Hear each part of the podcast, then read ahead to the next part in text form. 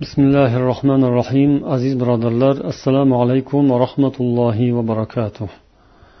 Alisher ismli yigit saharlikning hukmi va vaqtlari haqida savol yo'llaganlar.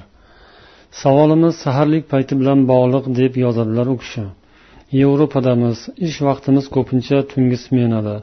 Masalan og'iz to'rtda yopilsa bizning imkoniyatimizda soat ikkilarda saharlik qilamiz.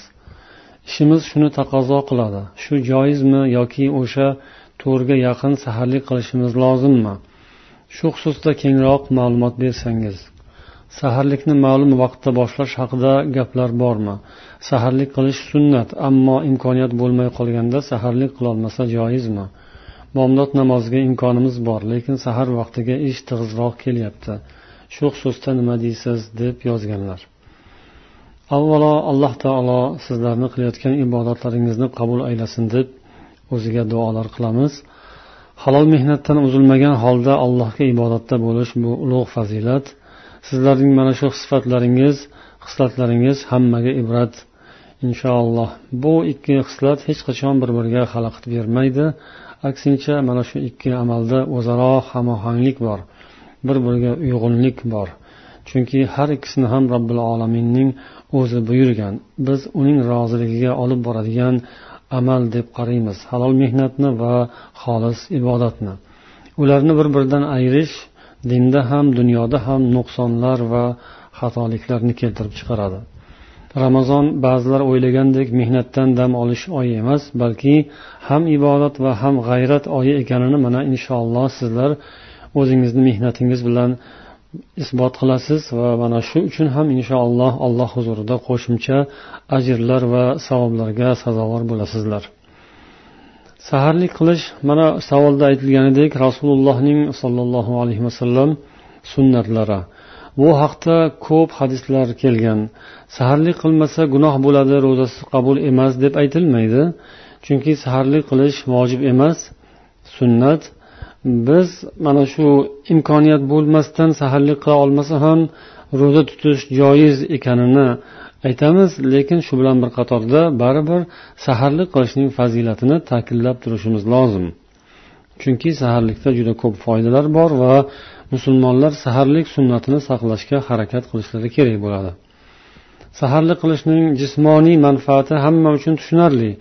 shuning uchun ham ba'zi odamlar o'zlarini kuchlariga ishongan holatda ba'zi paytlarda saharlikka kamroq e'tibor qaratishlari ehtimoldan xoli emas ammo hadislarga qaraganda saharlikning boshqa hikmatlari ham bor عن أنس بن مالك رضي الله عنه قال قال النبي صلى الله عليه وسلم تسحروا فإن في السحور بركة رواه البخاري ومسلم أنس بن مالك رضي الله عنه رواية payg'ambar sollallohu alayhi vasallam dedilar saharlik qilingiz chunki saharlikda baraka bor buxoriy va muslim rivoyatlari mana bu hadisda ham mana shu ma'no ta'kidlanadi عن جابر عن النبي صلى الله عليه وسلم قال من أراد أن يصوم فليتسحر بشيء رواه أحمد وصححه الألباني jobir roziyallohu anhudan rivoyat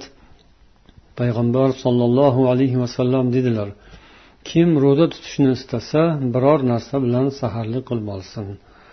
Ahmad rivoyat qilganlar alvoniy sahih sanaganlar. Mana shu hadisda qornini yaxshilab to'yg'azib olsin deyilmayapti. Ro'za tutmoqchi bo'lgan odam saharlikda yaxshilab ovqat yeb olsin deb aytilmayapti balki biror narsa yeb olsin deyilyapti. Biror narsa deyilishdan asl maqsad moddiy g'izo emasligi ham ko'rinyapti. Ulamolar va mutaxassislar saharlikning moddiy va ruhiy manfaatlari haqida juda ko'p gapirishgan.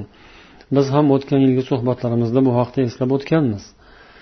Shuning uchun xotirjam o'tirib saharlik qilishga imkoni bo'lmagan odam ham biror luqma yutish yoki biror bir qultum suv ichib olish uchun yoki biror dona xurmo iste'mol qilish uchun saharlikka turgani yaxshi deb aytamiz saharlikning ruhiy va moddiy manfaatlarini mana qiziqqan odamlar o'sha boshqa suhbatlardan albatta bilib topib eshitishlari mumkin yana bir hadisni eslaylik عن أبي هريرة رضي الله عنه قال قال رسول الله صلى الله عليه وسلم نعم سحور المؤمن التمر رواه أبو داود وصححه الألباني abu hurayra roziyallohu anhudan rivoyat rasululloh sollallohu alayhi vasallam dedilar xurmo mo'minning qanday ham yaxshi saharligi demak agar biror dona xurmo bilan bo'lsa ham saharlik paytida allohning rasuli aytgan mana shu sunnatga amal qilish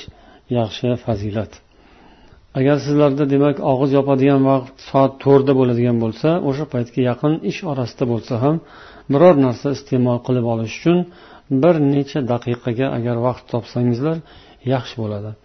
Agar buning iloji bo'lmasa demak bu vojib emas bu zarur ya'ni gunoh bo'ladi deb aytilmaydi. Faqat saharlik fazilatidan savoblaridan bahramand bo'lib qolishga harakat qilgan yaxshi. endi saharlik va ro'zaning chegarasi haqidagi savolga kelamiz saharlikning va ro'zaning chegarasi qayerdan qayergacha ekaniga kelsak bu haqda allohning mana bu oyati javob bo'ladi أعوذ بالله من الشيطان الرجيم وكلوا واشربوا حتى يتبين لكم الخيط الأبيض من الخيط الأسود من الفجر ثم أتموا الصيام إلى الليل to tun qorong'uligidan tong yorug'i ajralgani ma'lum bo'lmaguncha yengiz ichingiz. So'ng to tun boshlangunga qadar ro'zani davom ettiring degan alloh taolo baqara surasining bir yuz sakson yettinchi oyatida. Bu qur'on hukmi. Qur'on hukmlarini amaliy tadbiqi esa rasululloh sollallohu alayhi vasallamning hadislarida va sahobalarning amallarida bayon qilingan bo'ladi. عن أنس عن زيد بن ثابت رضي الله عنه قال تسحرنا مع النبي صلى الله عليه وسلم ثم قام إلى الصلاة. قلت كم كان بين الأذان والسحور؟ قال قدر خمسين آية. رواه البخاري. أنس رضي الله عنه زيد بن ثابت رضي الله عنه دان رواية قلدلر. زيد dedilar biz nabiy sollallohu alayhi vasallam bilan birga saharlik qildik. So'ng rasululloh namozga turdilar. Men azon bilan saharlik orasi qancha bo'lgan edi deb so'radim deydilar anas. Shunda zayd ellik oyat miqdoricha dedilar buxoriy rivoyatlari. Ibn hajar bu hadislarni sharh qiladilar va saharlik hamda bomdod namozi orasidagi vaqt haqida mana bunday deb yozganlar. والمدة التي بين الفراغ من السحور والدخول في الصلاة وهي قراءة الخمسين آية أو نحوها قدر ثلث خمس ساعة ولعلها مقدار ما يتوضأ saharlikdan bo'shab namozga kirishguncha o'tadigan muddat bu ellik oyatcha o'qisa bo'ladigan vaqt bir soatning o'n beshdan biriga teng bu tahorat olish uchun ketadigan vaqt bo'lsa kerak deb yozadilar ibn hajar. Endi biz agar hozirgi hisob bilan aniqroq qilib aytadigan bo'lsak bu vaqt to'rt yoki besh minutdan iborat bo'ladi va haqiqatan ham tahorat olib namozga tayyorgarlik ko'rish uchun yetarli muddat sanaladi. Demak oyatdan ma'lum bo'ladiki saharlikni bomdod vaqti kirgunga qadar davom ettirish mumkin. Ya'ni tun qorong'uligidan tong yorug'ligi ajraladigan vaqtgacha yeb iching degan alloh taolo. Buni subhi sodiq deb aytiladi. Subhi kazib bor subhi sodiq bor. Qisqaroq qilib aytamiz mana shu subhi sodiq ya'ni shu kun chiqar tomondan yorug'lik paydo bo'ladi va keyin u yoyilib kengayib kuchayib shu bilan tong otib ketadi. O'shani boshlanish nuqtasi subhi sodiq ana shu oyatda aytilgan vaqt.